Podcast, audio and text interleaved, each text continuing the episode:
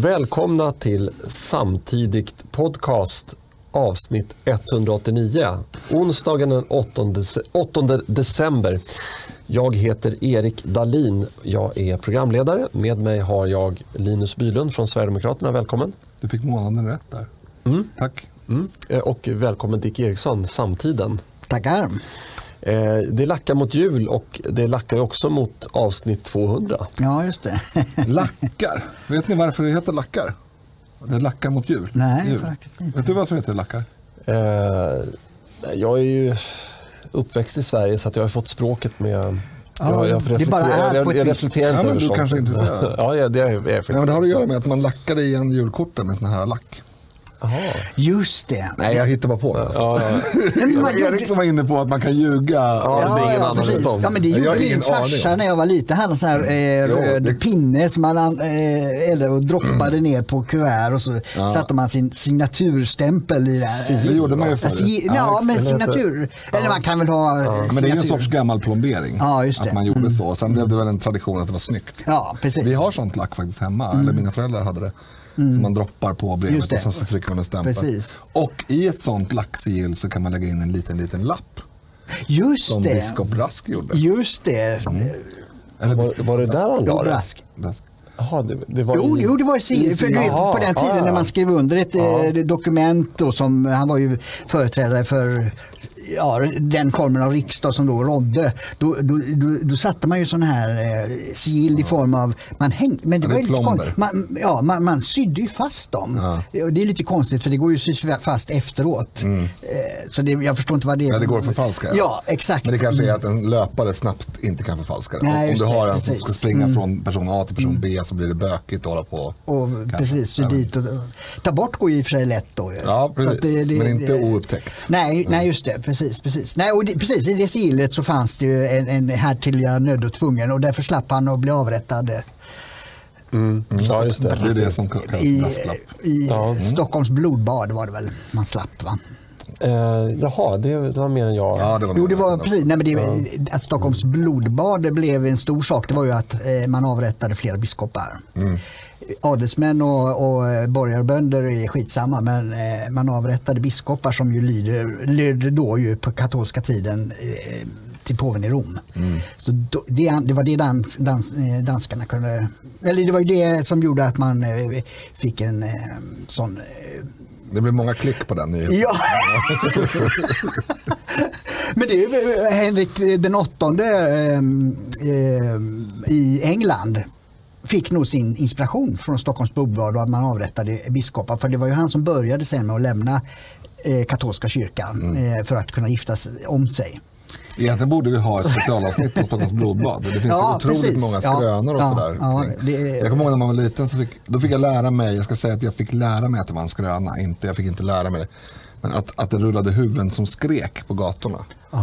Och då är det så här, men vänta nu, man använder ju lungorna för att skrika. Det Ja, går det. ju inte. Nej, det är Ja. lite svårt. Uff. Ja, nej, det, men det är, det är väldigt brutalt. Ja, det är väldigt det var brutalt. fruktansvärt. Var? Christian Tyrann, 100 stycken. 1520. mm. Ja, men hur många var det som man ihop? Ja, jag försökte räkna reda på det men man hade ju bara koll på adelsmän då på den Ja, tiden. okej. Och man drog ju in massa stockholmare som man avrättade. ö, ö, Förmodligen därför att det var en del som ville bli av med konkurrenter. Mhm. Så att men runt hundra.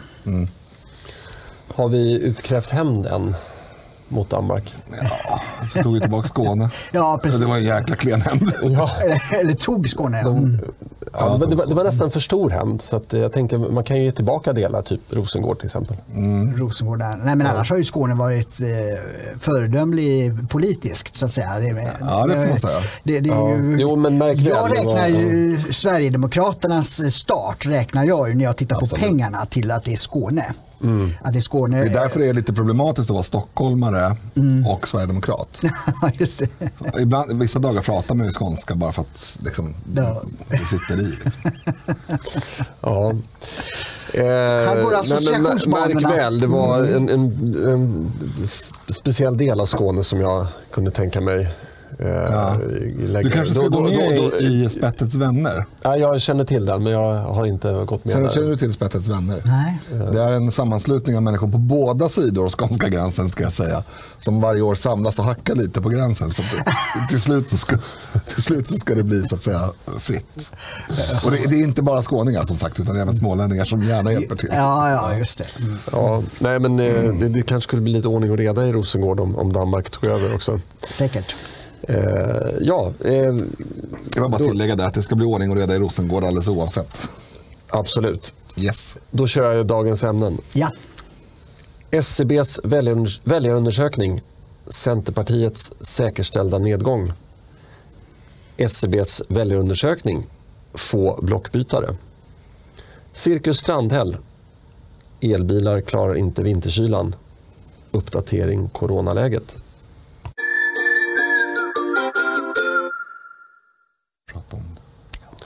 Eh, ja, men allra först så kör vi eh, lite laget runt här. Dick. Ja, just det. Nej, men, eh, det lackar ju mot jul som sagt. Nej, men, eh, jag har gamla adventsljusstakar i mina fönster eh, med såna här gamla, eh, vad säger man, glö, riktiga glödlampor Mm. för jag tycker det blir ett bättre sken. Nu har det kommit tydligen LED-lampor som ger det här lite Nu är de väl okej. Ja, eh, jag tycker de var fruktansvärda Ja, när de kom. Men, eh, så därför sparar jag de gamla. Men det är ju de går ju sönder. Och när en lampa går sönder då, då fungerar ju ingenting. Ja, och då måste man liksom ha en ny lampa och så skruva ur och sätta i, skruva ur och sätta i tills man hittar den lampan som är sönder. Så det tog lite, eh, jag klarade inte det under första advent utan det var nu i helgen som jag han, hade tid att eh, se till att få dem eh, igång. Och det, väl- Det kan väl vara skönt att dra ner så att det inte blir så här långt julfirande. Nu är det bara tre veckor. Ja, precis. precis. Och, jag, och advent var ju väldigt tidigt i år. Ja, det var det. det, var. Ja, eh, Linus. Nej, jag, alltså jag, om vi ska prata jul så har vi bestämt oss för att inte ha en julgran. För vi har en liten marodör hemma som tar sig eh, snabbt över ett rum, ålandes. Och tittar man bort i två sekunder då är han till och med i ett annat rum. Så det blir ingen gran i år. Vi har en liten pyttegran som står uppe på en, en bänk med eh, för närvarande bara pyntad med nordiska flaggor. Min fru vill ha det så, jag vet inte. Jag tycker det är ganska fint. Men vad det jag skulle säga, jag har inget vettigt att säga, men jag lyssnade på ett, eh, ett avsnitt som vi spelade in för några veckor sedan. Och jag insåg att jag fick totalt hjärnsläpp. Jag pratade om att jag hade haft en Nokia. Jag pratade om det här med, vi pratade om elbilar faktiskt. Och jag berättade att teknik fungerar ju så att det är dyrt i början och sen när det blir en Mm, ja, just det. större. Mm. Ja. Och då sa jag att jag hade en Nokia 3110 på början av 90-talet. De kom ju liksom långt senare. Det var ju absolut inte det jag hade. Jag hade en Nej, jag, jag Ericsson. visste det var, det var något fel. Som var, jag, jag tänker att någon, kanske en kan, lyssnare kanske har noterat det och sitter och är arg över det. Jag vill bara säga att jag hade fel. Det var en Ericsson, kan ha varit en 137 men eh, jag kommer inte ihåg exakt. Mm. Så då har jag sagt det och då har jag hållit mitt eh, laget runt föredömligt kort också. Vad säger Ja, du? vad bra. Jo, men, jät- ja, men jättebra. Ja, nu, nu blir mitt något längre för att jag googlade det lackar mot jul under tiden. Eh, och eh, då kan vi istället för att ha en rättelse då om en vecka så kan jag säga att det eh, man kan också säga tydligen då det lackar mot kväll. Ja. Eh, och eh, då faller ju din teori där med att man varje... Men det var inte var- varje teori, jag, jag, jag Varje bara gubbjög. Ja, men det, det, är, det är någon synonym gammal svenska då att det också betyder typ traska, lunka. Mm. Eh, men men, det, det var en snabb googling så vill, man eh, Är det, är, sätta sig är det samma i- rot till att man lackar ur? Alltså att man lunkar åt sidan? Ja, mi- mitt, mitt humör börjar sakteliga traska mot att eh, bli väldigt upprört mot dig nu. Jag vet, Ja. men det är väl det podden går ut på. Ja, röra sig mot eh, kanske det betyder då. Ja. Ja. Eh, jag har sparat den laget runt i typ en månads tid. Vad härligt. Precis. Då är det Eh, genomtänkt. Ja, det händer, inte, det händer inte så mycket i mitt liv så jag måste plocka upp sådana här saker som hände för länge sedan, även fast det ska vara sista veckan. Eh, nej men, eh, jag prövade att spela pickleball och det här var veckan innan jag eh, åkte på barnens höstlov. Okej. Så det var därför jag inte kunde vara här veckan efter. Eh, men eh, det var, för jag har inte berättat om det här va? Nej. Nej, Nej, jag vet inte ens vad det betyder. Eh, Det är, det är en blandning mellan... Det, planen är lika stor som en badmintonplan. Fast nätet sänks ner, så nätet är ungefär samma höjd som eh, eh, vad heter det nu, paddel. Eh, och sen spelar man... Jag vet inte ens vad paddel är. Så att, Nej, okej, paddel är, det är ju... eller jag vet ungefär ju- alltså, men det är inte så att jag ser det framför mig. Linus, alltså i, i, eh, vi har ju en sån här coronapandemi nu. Mm. Men eh, parallellt med den så har det då skett en eh, paddelepidemi. Jo, det har jag noterat, ordet så. Men jag Ja. ser det inte framför mig. Nej, okej. Nej, men det är eh, typ eh, massa medelålders eh, män och kvinnor som eh, helt plötsligt kommer på att de gillar bollsport. Jaha. Så att eh, det är, det, det är en bana som också är i, ungefär som en badmintonplan, kanske något större.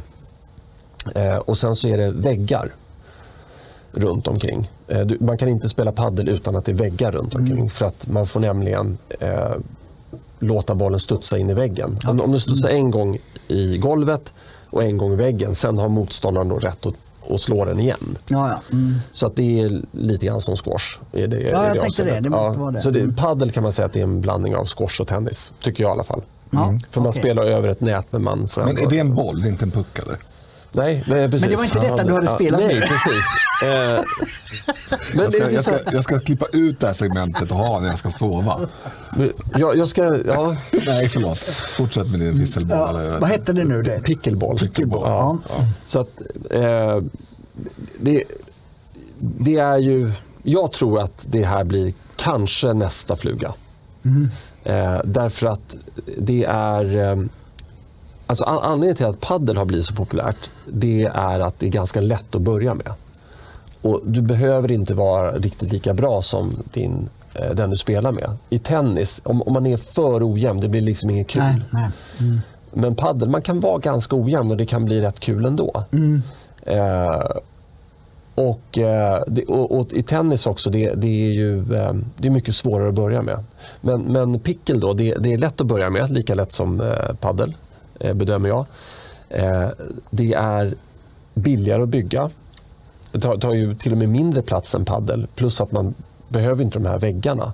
Och ska- Man spelar bara på marken. Ja. Eh, och eh, bollen, man, spelar med en eh, innebandyboll, typ. Det, är inte exakt likadant, men, men den, ser, likadan ut. En lätt eh, ihålig sak. Ja. Ja. Eh, och eh, racketarna är också, alltså i tennis där slår man av en sträng, då kostar det typ 300 kronor att stränga om det. Och sådär. Men här, här har man bara ett träracket. Liksom. Eh, Ja, ja, okej, då är det- som liksom- paddel, eller? Ja, fast det är lite mindre än paddel. Det är mindre än paddel. Ehm, och sen så då, det är dels billigare att bygga och sen så, eh, nu är det så väldigt populärt att prata om detaljplaner och bygglov. Kom in både när det gäller begångna brott och, eh, eller stävjande av brott och byggande av eh, energi. Eh, men i alla fall, eh, då, eh, i och med att man slipper de här väggarna så om man gör det utomhus så krävs det ingen bygglov. Det är som att lägga, anlägga en Ja, parkering, just det. Mm, parkeringsplats. ja. Liksom. Eh, Så att eh, jag, jag spår att det här, det här skulle kunna bli eh, nästa fluga. Inte riktigt lika populärt som paddel men Men då spelar man ungefär som tennis så att säga. Man, på två planhalvor fram och tillbaks. ja. Och där, du kan både spela singel och dubbel. Paddel, det går typ inte att spela singel där. Eh, För att det blir liksom för lätt att avgöra bollen. Eh, Men, men, eh, men pickel, där, där kan man spela både, både Hur gör man det själv då? Nej men alltså eh, två, två mot två. Eh, an- antingen två mot två eller en mot en. Ja, Man ja, måste vara okej. två ja, eller jag fyra tänkte det, spelare. annars blir det Ja, svårt. ja. Eh, men det, för en gångs skull så hade jag inget politiskt i, i min eh, laget det. runt. Utan det här var bara en, en, en ren eh, spaning. Och eh, har man möjlighet att testa på så tycker jag man ska göra det. Det var ganska Ja, kul. Ja. jag försöker googla om ni undrar vad vi håller på med. Mm. Det finns ju någon eh, variant på baseball, eller softball, som är också med en innebandy-liknande boll.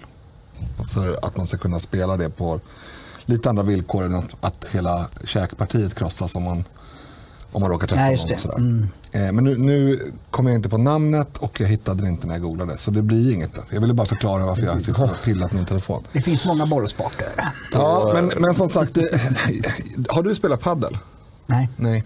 Så vi som inte ens har spelat paddel, vi ska få höra nu att det är en ny fluga, det är en ny fluga på gång. Så Just det, vi- ytterligare. Ligger långt efter här nu. Och, och innan vi har börjat spela paddel, då kommer det vara ytterligare en. Just Då har man en puck, eller kanske en medicinboll och så har man, sparkar man den över ett nät kanske. Och så är det en vägg mellan. Och måste, den får inte träffa väggen. Jag vet inte, jag får Nej, upp, försöka det- uppfinna här. Det finns många varianter. Ja, jag vet inte. Ja, alla bollsporter har sina brister. Mm. Eh, Så att det finns säkert utrymme för att uppfinna någon till. Ja, Så utan jag- boll. puck ja.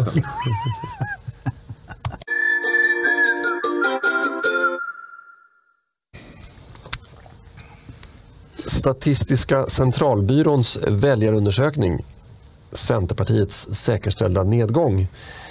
Eh, ni lyssnare noterade säkert det, men jag eh, gjorde ju då två punkter av den här det. väljarundersökningen. Eh, men vi börjar eh, eh, med eh, Centerpartiet och ja, det, det, här är, jag tycker, det här är nästan som julafton. För att eh, nu ska då poddens opinionsexpert Ja. Dick Eriksson lägga ut texten om det här. Precis, jo, nej, men det var ju det som var det spännande med SCB. Och SCB är ju den största opinionsmätningen. De tillfrågar ju 9000 men det är väl eh, hälften som svarar tror jag unge- ungefär. Liksom. Så att de har ju sån bredd och, och i veckan här nu eh, efter vi har spelat in så kommer ju nedbrutet på regioner och mm, kön och yrken och utbildning och, och så vidare. Eh, hur, hur folk har eh, ja, ser på sina partisympatier, för det är en partisympatimätning det här. Och den enda säkerställda i nu december publicerade är att Centerpartiet backar 1,1 procent enheter och Eh, fr- Från vad då? Från förra mätningen? från förra mätningen. Som Ja. var i våras? Just det, som är i maj då, så det är i maj och november de gör det. Så att nu ligger Centerpartiet under valresultatet. På 8,4 är det ja. De hade ju 8,6 i valet. Och det, det där är en eh, vad heter det, psykologisk viktig del för partierna att om, om man ligger under eller över valres, senaste valresultatet. Så att säga. Så att, och, och sen har det kommit eh, efter den här, för det tar ju lite lång tid i en statlig eh, opinionsmätning. Så den slutar väl mäta 25 november eller någonting sånt. Och, och efter det har det kommit andra mätningar som också pekar neråt för Centerpartiet. Så att, eh, det, det, det är en intressant och det är den enda statistiskt säkerställda förändringen. Det andra som jag tyckte var intressant det var att eh, Kristdemokraterna och, och Moderaterna rör sig lite grann uppåt eh, då, eh, utifrån ett vänsterperspektiv trots att man gjort en budget med Sverigedemokraterna. Eh, nu är det ju väldigt små förändringar överhuvudtaget, alla andra än, än Centerns nedgång. Då. Men, men eh, att det inte rör sig neråt och, och de är ju rätt bra. Där vill jag nästan hälla lite vatten på gåsen. Det var helt fel uttryck. Men jag vill, jag vill lägga sordin på stämningen lite grann. Därför att den här mätningen är gjord före det debaclet. Eller precis, den slutade den 25 tror jag. Ja, 25 november ja. Mm. När var superonsdagen eller vad vi kallar den? Ja, men jag, Jo, jag, men det här är med, eh, uppgörelsen med budgeten var väl innan? Nu har inte jag kollat Budgeten exakt. följer Alltså, för ni, ni budgeten ju- följer ju, regeringens budget Jo, jo, men det var ju omröstningen. Men, men ni, Ja. var ju, ni publicerade ju budgeten innan. Jo, ja, ja, du menar att det skulle vara den här sk- skamfaktorn? Ja, alltså jo. det- Mm. men, men det är också så, och det är ju en viktig lärdom. Alltså det här, SCB är ju bra på det sättet att de är breda och de är stabila. Så Mm. ser man en förändring i SCB över en tid, då är den rimlig. Mm. Däremot så har jag för mig att de mäter oss väldigt eh, snålt. Eh, Och sossarna väldigt gynnsamt. Och väldigt gynnsamt. Ja. Mm. Eh, och det beror ju på att det är, är det brev eller telefonledes. Ja, telefon är det ju mycket. Ja. Mm. Eh, och då säger folk att nej, nej, jag, ska, jag ska inte rösta på något eller jag ska rösta på sossarna för att de vill bli av med telefonförsäljaren. eller vad man ska kalla honom, henne. ja, Eh, men sen är det så att det finns eh, en eh, vad ska vi säga, fördröjningseffekt av Ja, allting. jo, så är det ju. Och det beror ju på att, och det här tycker jag är ganska intressant. Jag pratade med, med en eh, kollega om det här för några år sedan. Och han förklarade varför det är så att om det händer någonting stort. Om eh, Magdalena Andersson blir statsminister säger vi. Om du ska se någonting i opinionen eh, av det. Då behöver du vänta ungefär två veckor. Sen mäta. Just, mm. Och, eh, och, det, och det är mer eller mindre en gammal sanning. Att stora händelser de, de dröjer ett tag. Och, men vet ni varför det är så? Jag tycker det är intressant. Jag hade för mig att det var det att då hinner nyheter publiceras och folk hinner också prata om det i fikarummet och så vidare. Ja, exakt. Mm. mm. Ingen ändrar åsikt eller påverkas särskilt mycket av en nyhet. Mm. Däremot så påverkas de av diskussionen kring fikabordet på jobbet om mm. den nyheten. Ja, just det. Mm. Eh, eller vid, vid, vid, frukostbordet hemma eller sådär mm. såklart. Alltså i samtal med andra människor så, så omstöper man sina egna åsikter mm. i väldigt mycket högre utsträckning än man gör av att få information om sakers tillstånd från till exempel nyheter. Mm. Jag tycker det är jätteintressant. Ja. Eh, men som sagt, det är en gammal sanning. Så därför så tror jag att det är klart att SCB de har sina datum mm. och, och, någonstans så, så, kan man inte skylla dem för det. De har sin kontinuitet, det är jätteviktigt. Mm. Det är framförallt viktigt för liksom SOM-institutet och sånt att kunna mm. mäta eller se långt bak i tiden. Det är exakt samma mättid varje år och mm. sådär. Men just i det här fallet så var det väldigt olyckligt. Det hade varit bättre om den mätperioden slutade nu eller om en vecka. Ja, I alla fall för oss. Jo, precis. För att, eh, precis. Nej, men, eh, så, så är det ju. Men, men, eh, nej, men jag tycker ändå, för det har ändå varit en diskussion under, under hösten här om, om just eh, samarbete mm. med, med mm, Jo, men just den, alltså, mm, att, ja. att M och KD inte precis, tar stryk av det, det, det tror ja, jag absolut går att läsa. Det, det, så att det, det, det, var ju positivt. Men, men i övrigt så ligger ju partierna så gott som still kan man säga. Det kommer ju till nästa Ja, just det. Mm, ja. Mm. Eh, ja, vad, vad, vad, var det jag eh, tänkte på här då? Jag hade ju en, du har ju röstat på Centern så du kanske har något att säga här. Ja.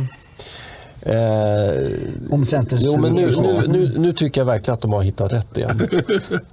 Nej, men eh, det är ju... Vad, vad, vad, vad, gör, vad gör de åt det här nu då? Alltså de, de har ju målat in sig i ett ja, hörn. Ja, exakt. Det, det, är ju det. det. det. går ju inte att komma ur eh, det hörnet eftersom ju mer Annie Lööf har, har eh, eh skällt på eh, Sverigedemokraterna och på Moderaterna och Kristdemokraterna för att de eh, samverkar med, med, med, Sverigedemokraterna. Ju mer hon gör det ju, ju, ju svårare blir det för henne att gå tillbaks till den sidan och då, då har hon ju eh, får hon ju sätta sig i knät på Nooshi Dadgostar och Vänsterpartiet. Mm. Det är ju det enda alternativet. Mm. Det sa jag från början då, direkt efter valet där, att Centerpartiet kan inte utesluta både Vänsterpartiet och, och Sverigedemokraterna från eh, eh, politiska uppgörelser. Det går inte i en parlamentarisk situation mm. eftersom de två partierna står på varsin sida. Så måste hon göra upp med den ena eller den andra. Det, det, det är liksom logiskt självklart.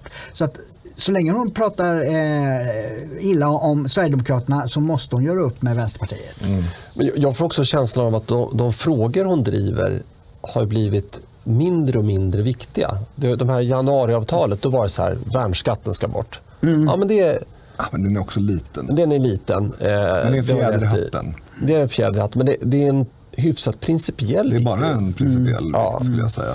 Eh, och, och, och, ja, men det var ju ändå så här, LAS skulle typ avskaffas. Nej, inte riktigt. Men, men alltså, det, det, var, det var väldigt så här, ganska revolutionära ja, mm.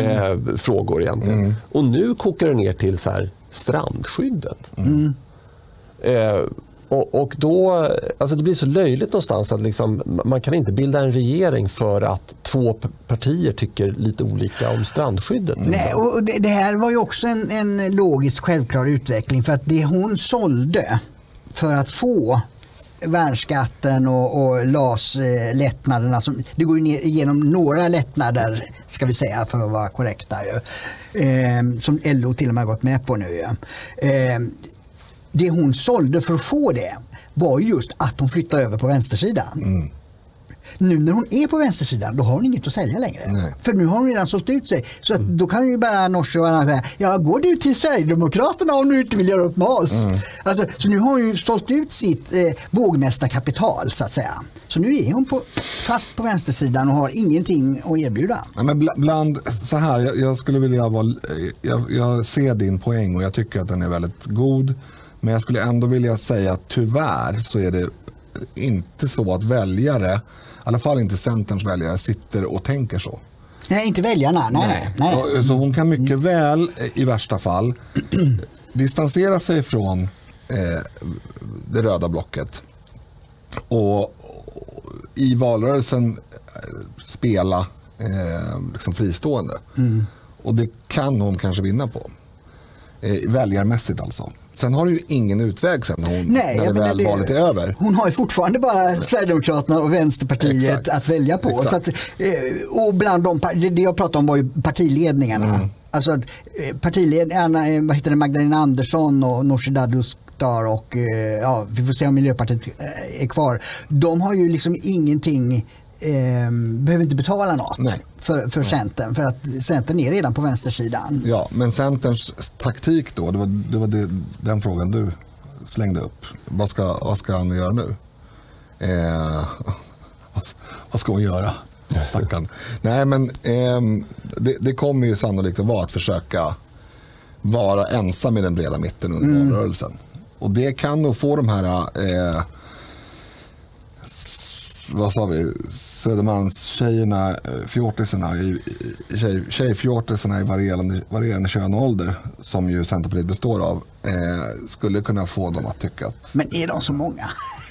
ja tyvärr. Alltså, det, jag, Åtta- vad sa du? 8,4? 8,4. Jag får räkna på hur många det är. Ja, just det. Mm. Ja, men alltså, det, det som har hänt, eh, det är ju uppenbart för alla som är eh, insatta i politik, men jag kan nämna det ändå. Eh, förra SCB-mätningen i maj, då var Stefan Löfven statsminister. Eh, det hade inte riktats något, missförtroende, eh, vad jag vet. Eh, utan det var ju först i juni då som den här omröstningen kom. Så fram tills i juni så var ju januariavtalet intakt. Ja. Och då var ju Liberalerna med på vänstersidan också Japp. så att säga. Japp. Sen när januariavtalet, eh, upp, när, när regeringen föll, då sa Liberalerna Nej, men nu gäller inte det här avtalet längre. Nej. Så vi lämnar, vi, går, vi är ett borgerligt parti så vi går över till den sidan. Eh, men Centerpartiet valde att stanna kvar och fick någon, jag kommer inte exakt ihåg vad de fick för löfte då men det var väl något, det kanske Ja, men det var då det, var här med strandskydd och Ja. skogen och, och, och så genomföra LAS eh, utredningen. Eller den, upp, den kompromiss som näringslivet gjort med vissa fackförbund gick eh, LO med på och också regeringen då. Precis. Så att, fram, men ändå så här, fram till förra SCB-mätningen då kunde det finnas centerväljare som fortfarande var borgerliga som, som trodde på den här lögnen då om att eh, man får igenom liberal politik. Ah, vi har tvingat sossarna att genomföra vår, Ja. vårt partiprogram ungefär. Men, men sen blev det ganska uppenbart att nej, det, det är nog inte så. Så att de borgerliga väljare som eh, fram tills nu, den sista eh, eh, SCB-mätningen inte hade lämnat Eh, eller de som inte hade lämnat förra, de lämnade nu. Eh, Så det är väl, och det kanske finns några enstaka kvar, men, men det kan man nog se den här eh, 1,1 procent, det motsvarar väl ungefär 15 procent av partiets totala Ja, det. väljarstöd. Ja. Och det är väl något sånt här att man, eh, man hade gjort en undersökning på Centerpartisternas eh, näst bästa alternativ och då var det väl så här två tredjedelar som sa Socialdemokraterna. Och sånt där. Ja, väldigt många i alla fall. Ja, det, det syntes också när man frågade vem man vill ha som statsminister så är det ju nu en majoritet av de som säger sig rösta på Center som säger Magdalena Andersson som statsminister. Så- Så att, min min poäng är att, typ att om det var då fram till eh, innan Stefan Löfven tvingades bort i somras. Så att det var en tredjedel av Centerns väljare som fortfarande identifierade sig som borgerliga. Då har hälften av dem lämnat nu. Ja, kanske. Det är väl ungefär... Ja, eller, och det, det ska vi också komma ihåg när det gäller eh, utifrån väljarna. De flesta väljarna är inte intresserade av politik. Det är ungefär lika roligt som att läsa eh, villkoren i försäkringen. Det, måste vi ha respekt för, vi som är samhällsintresserade. Eh, Det är det jag menar. Ja, och, och, och då tror jag faktiskt att det är så att väldigt många eh, byter inte parti mellan valen för de Precis har ingen anledning säga. att göra det utan det är först när, valrörelsen kommer. Det ställs på sin spets Ja, ja, det är då det ställs på sin spets. Och, och jag då, tror... Ja. ja. Nej, men för, kör du, kör du. Då, då undrar jag om inte eh, eh, ännu fler av de som röstade på Centern förra gången kommer säga ja, men vad du, ska, inte, ska det inte ta ställning till vilken som ska vara statsminister om då Centern försöker ha den här att man är varken det ena eller det andra. Då tror jag att det kan kosta. För, för, eh, Jag, jag tror något liknande. Alltså jag tror så här att folk tycker inte att det är valrörelse. Bara för att vi tycker det. Vi tycker att vi är inne i liksom förskedet i alla fall till valrörelse. De allra flesta väljare har mycket viktigare och vettigare saker för sig dagarna i ända än att hålla på och analysera politik. Eh, och de tänker inte på det här i någon större utsträckning förrän det börjar bli dags. Och då tror jag att det är så här att har man en någorlunda stabil mellanvalsperiod där partierna inte, där det inte händer så mycket. Då tror jag då, då kan de här mätningarna vara ganska rättvisande. Men precis som Dick säger, när det sker stora förändringar i lojaliteter och annat. Nu, nu skedde ju en väldigt stor förändring direkt efter valet 2018. Alltså att man eh, Annie Lööf poserade ja. med Kristersson Löv-tröja och sen så Röstade nej, ja, och sen så röstade hon nej till Kristersson. Och sådana saker. Det tror jag syns först när folk börjar fundera på vad ska jag rösta på Ja. nästa gång. Ja. För jag tror att folk, även om frågan ställs, Mm. vilket parti skulle du rösta på när det var idag, val idag? Så tror jag att många, absolut inte alla, men många väljare tänker vad röstade jag på förra valet? Ja, just det, eh, Centern, Annie Lööf. Hej då, Mm. nu ska jag göra något viktigare. Jag tror att det är en, en stor faktor. Jag, tror, och det, det, jag säger inte att det måste gå åt helskotta för Centern bara för det. Det är teoretiskt möjligt att det går åt andra hållet också. Vad jag menar är att stora förändringar Mm. i, i det politiska landskapet inte syns direkt i opinionen. Därför att folk, det är inte de vet att de inte måste ta det beslutet nu. De har inte ens börjat fundera på, börjat jämföra partier, börjat tänka så här, ska jag rösta på samma igen eller ska jag, vilka är bäst nu och sådär. Utan som sagt, jag tror de bara refererar till vad de har röstat på tidigare. Många gånger i alla fall. Och då be, det behövs bara en liksom osäkerhetskänsla kring Centern för att de ska gå käpprätt åt skogen tror jag. Eh, men det vet ju inte jag om det kommer, jag bara hoppas. För att avsluta här så kommer jag Inte tänka avsluta på... för att byta till nästan liknad, likadant. än. Ja, precis. Ja. Eh, så ska jag säga att jag har, jag har åtminstone två vänner eh, som röstar på Centerpartiet. Men två som jag kom på nu som jag vet. Och den ena, han, tycker det, han förstår inte grejer med nationsgränser. Han, han är jättetrevlig men eh, han, är bara liksom, ja, han har den uppfattningen. Liksom. Ja, det finns sådana. Ja, eh, och den andra, han har uttryckligen sagt att ja, men jag är inte så insatt i politik. Nej. Och då, då blir det lite tungrot för oss här. Jag tycker om- vet du vad jag tycker man ska göra om man, om man tycker att man inte är så insatt i politik? Rösta blankt. Ja.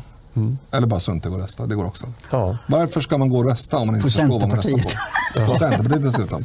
Det är så jävla dumt så jag blir förbannad. Ja. Rösta inte om du inte vet.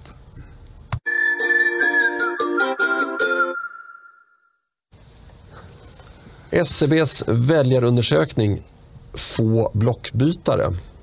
Eh, ja, eh, Ja. Dick. Eh, det var inte, förutom Centerpartiet så var det inte så mycket rörelse där, eller? Nej precis, och därför lyfter jag fram i, i samtiden just eh, rörelser. Eftersom det är så pass många som tillfrågas så, så kan SCB på statistisk eh, grund då tala om hur väljarrörelserna har sett ut mellan partierna. Och, och då är det så att eh, det är ganska lite som rör sig över de partier nu som finns på de två sidorna. Stöd till sossarna eller eh, eh, stöd till oppositionen. Eh, intressant är ju då nu när vi pratar om det att Ja, det, det finns en rörelse från Centerpartiet till Sverigedemokraterna. Nej, men det märkliga är att det är den enda rörelsen Det- till Sverigedemokraterna. För, Ja, för att, sossarna precis, läcker inte till Sverigedemokraterna. Nej, men det har ju funnits eh, episoder då vi har växt väldigt mycket. Ja. Låt säga att vi hade gått upp 5% Då hade jag inte blivit förvånad om vi hade tagit 0,2% av Centerpartiet. För då brukar det vara så här 3 eller 2% från sossarna. Just det. Sådär. Och då det är klart att någon liksom, del kommer från Centern. Men det enda som SCB säger sig kunna utläsa det är en väljarflykt på 0,2% från Centern till, till Sverigedemokraterna. I övrigt har vi nä, nästan sen, noll. sen valet, ja precis. Och, det, sen, eh, är det sen valet? Ja, just det. Det är det knäppaste jag sett. Det där kan inte stämma. Det, det här är just det, det de gör på statistiken. Sen, och, eh, sen har Moderaterna då, eh, fått från Socialdemokraterna 0,7 då. Mm. Så de har, enligt den mätningen. Och så har då Moderaterna tagit från Liberalerna en- 1,2. Nu kan man fråga om det är en blockbyte eller inte. Mm. Nej, man vet precis. inte riktigt vad man har Det Liberalerna. när de gjorde det. Ja, just det. Precis. Eh, Men det, det är de enda tre. Sen är det mellan, inom blocken då, att, att det har gått mycket från eh, sossarna då till Vänsterpartiet och, och från Kristdemokraterna till Moderaterna, från eh, eh, Miljöpartiet till Socialdemokraterna och Vänsterpartiet. Då. Och det spelar ju ingen roll för statsministerfrågan, så att säga. Att, att det rör sig me mellan de partier som ändå tänker stödja eh, det blockets statsminister, så att säga. Och det, det, det, det är ju lite, och just som du säger här, att det inte är något flöde från sossarna till eh, Det Sverigedemokraterna. är också otroligt märkligt Det är- att flödet från Centern, det är antingen till Sverigedemokraterna eller Socialdemokraterna. sossarna, ja just det. Det är mycket märkligt att Centern inte har blödit till, till Moderaterna. Mm. Eller L åtminstone. Men- Men vi, vi, alltså man måste ju liksom eh, rannsaka sitt eget tänkande här. För att eh, vi tänker nu liksom i det lite grann korta perspektivet. Men det kan ju ha hänt mycket. Om det här är sen valet så kan det liksom ha gått Jo. För, för tre år sedan Ja, så gick det. det dit och sen har det gått, kommit tillbaka. Och så här, så att det, det, det blir väldigt komplext. Det är när man ska väldigt tänka. komplext. Det, är- det är mycket förenklat. Eh, och- och- det är bara när det är väldigt stora förändringar som man kan ha något att göra med Ja. det. Ja, och jag, jag säger så lite grann för att inte göra mig själv till åtlöje i och med att jag hade en annan teori i punkten innan. Ja, exakt. Nej, men jag tycker du har en väldigt god poäng. Alltså, Ja, och de är, precis, de här flödena är ju väldigt små också Mm. så att det, det, de, är ju, de är ju väldigt statistiskt osäkra kan man säga. Mm. Men, men det här, jag, jag vet inte hur man ska tolka det här, men, men eh, jag jag läste en artikel eh, i eh, Bulletin. Jag kommer inte ihåg vad han hette som har skrivit det. Någon norrlänning som är någon professor i någonting. Han, jag har sett... Jag, jag, jag, fin beskrivning. Ja, jag, jag tror han heter Erik. Men han är väl, väl, väldigt intellektuell eh, och, och Det är klart duktig. han heter Erik. Ja, jag vet, skitsamma. Jag, jag, jag får ta fram det här i pausen. Eh, men i alla fall, han, eh, han påstår då i alla fall att eh, politiken har liksom, för, för de som är insatta så blir det mycket som ett, så här, ett, ett spel. Eh, att, att man är liksom mer intresserad av det politiska spelet än man är intresserad av, av sakfrågor. Eh, till exempel regeringsbildningen. Eh, det är inte så att man kanske hoppas på Magdalena Andersson för att man nödvändigtvis tror att man får ett bättre liv. Att man får mer i plånboken. utan Det är mer så här, man, man har tagit på sig den tröjan, precis som att man går på en Ja, match. just det. En lag, Det sker i två eh, steg. ja. Imi- Ja, först bestämmer man sig för Ja. vilka sakfrågor man tycker är viktiga. Ja. Och sen utifrån det så tycker man eventuella spelare är bra. Eller man, man, man är bara lag Andersson. Man är bara eh, så här, så, att, alltså, Hon är ju Sveriges första kvinna. Har ju, Ja, Ja. precis. ja precis. Jag tror det var Eva. Nej, det var världens första kvinna. ja, jag tänker på Embla. Ja, okej. Du ska alltid komma...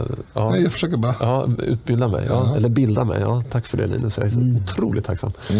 Eh, eh, men, ja, men det är precis som en fotbollssupporter som står på läktaren. Det, han eller hon har lite svårt att så här, intellektuellt övertyga i alla fall mig om varför det, man ska heja på det ena eller andra laget. Och till slut så blir det så i politiken också. Så här, men varför så här, eh, gillar du inte lag och ordning? Så här, jo, det gör jag. Ja, men då ska du rösta på Sverigedemokraterna. Nej, men det, det, är, eh, det är mina motståndare. Liksom. Det är mina huvudmotståndare. Ja, varför då? Ja, men de, de hade, på 1989 så hade de en, en sekreterare i Malmöavdelningen som var nazist. Och det, är så här, det är kanske likadant med typ, ja, men, ja, jag höjer, höjer på Hammarby. Ja, för då? Jo, men så här, på 30-talet då hejade min farfar på dem. Det, det blir så, här, det blir så absurt. Och, och det är därför man inte det är därför man är så fast i sin... Liksom, Ja, du har rätt i det. Ja, och, och, och de som inte bryr sig om politik, de säger väl så här, ja, nej, men jag har alltid röstat på sossarna. Varför, ska jag, varför ska jag ändra mig nu för? Ja, det är ungefär lika smart som att man hejar på ett lag på grund av att ens pappa gjorde det. Ja, jo, men precis. Fast, fast det senare är på skoj och då är det faktiskt rimligt att ha den typen av bevekelsegrunder. Det, det förstnämnda är faktiskt på allvar. Och, och det, det här har jag varit förbannad på sen innan jag ens var liksom intresserad av partipolitik. Jag kommer ihåg att jag var väldigt irriterad över det här faktumet redan när jag var barn. Alltså. För mina föräldrar bara, ja men vi är ju socialdemokrater och jag bara, jaha. För att de är bäst? Ja, jo men farfar var ju... Man, lägg av. Mm. Men jag tror det är ett mischmasch av väldigt många saker. För att i, eh, i gamla tider eh, då var det ju klassröstning. I stor del. Alltså, b- Var man arbetare, då var man socialdemokrat. Var man tjänsteman, i alla fall i någon mellanställning, då var man eh, liberal eller folkpartist. Och, och var man då hö- högre chef eller höginkomsttagare, då var man moderat. Liksom. Och, och på landsbygden då eh, bondeförbundet. Så det, det, det var ju liksom ganska mycket klassröstning och den har ju väldigt eh, sjunkit undan en hel del, även om den ju då delvis finns kvar. Eh, men sen har ju då image, det är ju det nya sättet, liksom att man, ja, vilket lag, vilka, vilka, vilka upplever man som är tuffast eller framgångsrikast eller vad det nu är för något. det, där är ju sossarna, de har ju spett på det här. Och det beror ju på, alltså det är ju den dumma, det dumma sättet att se på politik egentligen. Alltså vil, vilken person tycker jag är coolast? Eller vilket parti? Det är ett korkat sätt att se på politiken. Och vi försöker ju hela tiden, vi prat, har ju pratat om det i 20 år, 30 år nu, att vi vill se mer sakpolitik. För det är det som politik ska handla om. Men socialdemokratin, inte bara partiet utan i den förlängda meningen, alltså det vill säga Sverige, eh, varenda institution och varenda liksom, intresseförening. De vill ju inte det och det beror ju på att de har, de har ju en stor, stor, stor bidragsgrupp som röstar på dem. Och sen har de massa andra människor som typ är arbetare som faktiskt gör rätt för sig. De vill inte prata sakpolitik. Deras intressen står ju, står ju emot varandra. Eh, så det är klart att de vill prata om att någon andra är hemska eller vad de nu eh, vill prata om för dagen. Liksom. Eh, de, de vill ju både ha kakan och äta den. För att, eh, de skulle ju totalt utraderas om vi började prata sakpolitik och faktiskt ställde saker på sin spets. Precis, jo, man kan prata om klass, image och intresse. Eh, Politik, så att säga. Vem- Vem gynnar min arbetsgivare eller min, min eh, bransch eller vad det nu är för något. Och så sen bara den fjärde, en fjärdedel är sakfrågor. Liksom. Eh, och, och då blir det det här mischmaschet av allt möjligt. Och nu har du ju femte identitet också. Just det, Ja. det kommer in en liksom vilken, eh, ja exakt, det där eländet. Ja, nej, men det, nej, det, det, och det enda rätta är ju att, att köra sakpolitik och att eh, bara fokusera på det och, och eh, visa eh, liksom vad, det, vad det är som fungerar. För ju sämre samhället fungerar och ju mer missnöjda människor blir, så ju mer tror jag att man tänker efter, ska jag göra som jag gjorde förut? Alltså man får en rannsakan tror jag. Eh, och, och den gynnar ju de som har sakpolitik som fungerar. Ja, jag skulle säga komplettera det, inte bara sakpolitik utan eh, utfalls slash konsekvenspolitik. Jag har sett saker komma.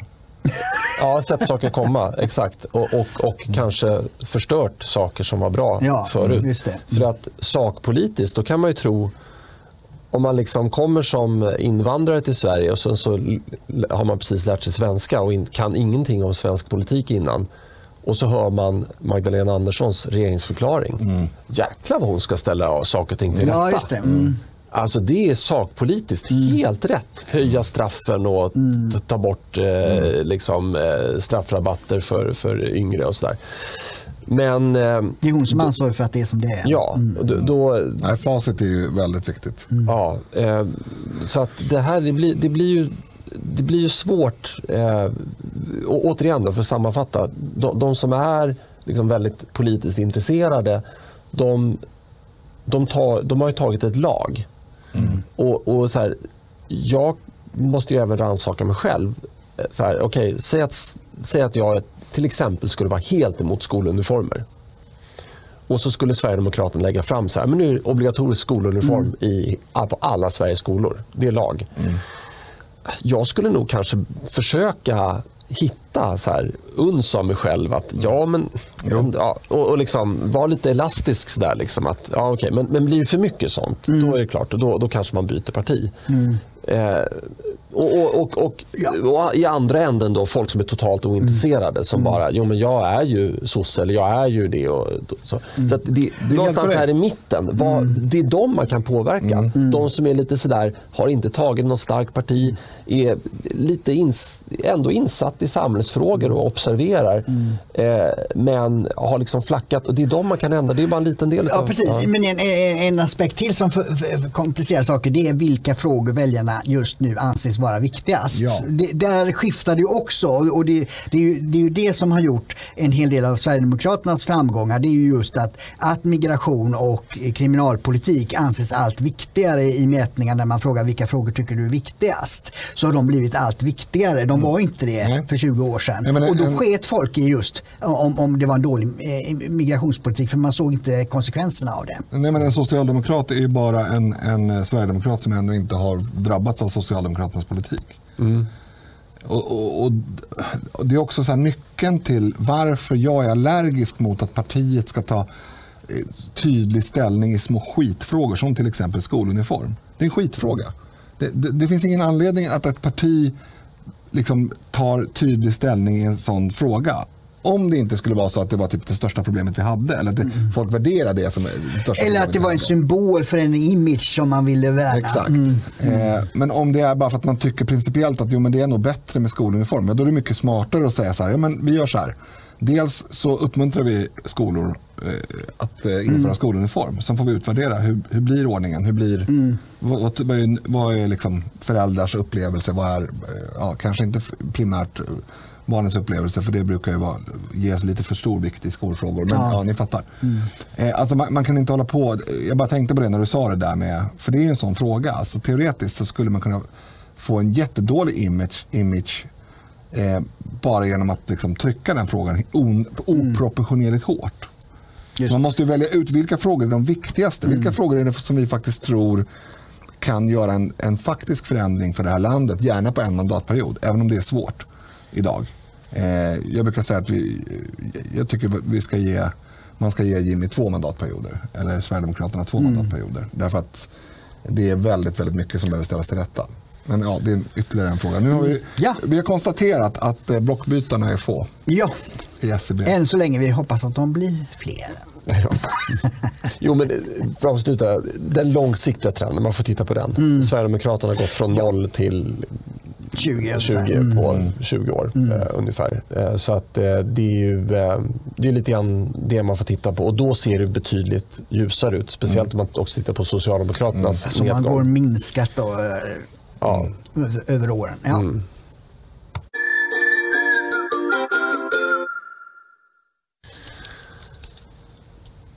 Cirkus Strandhäll har jag döpt den här punkten till. Jag har gjort en liten sammanfattning här om hennes kompetens. Ja, just det, men ska vi först tala om att eh, anledningen till att hon är aktuell är ju att hon har blivit minister igen. Och Mm. dessutom miljöminister.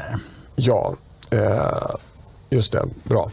Bra på, på tala. Mi- Miljö och klimatminister. Ja, Miljö och klimatminister. klimatet, Ja, mm.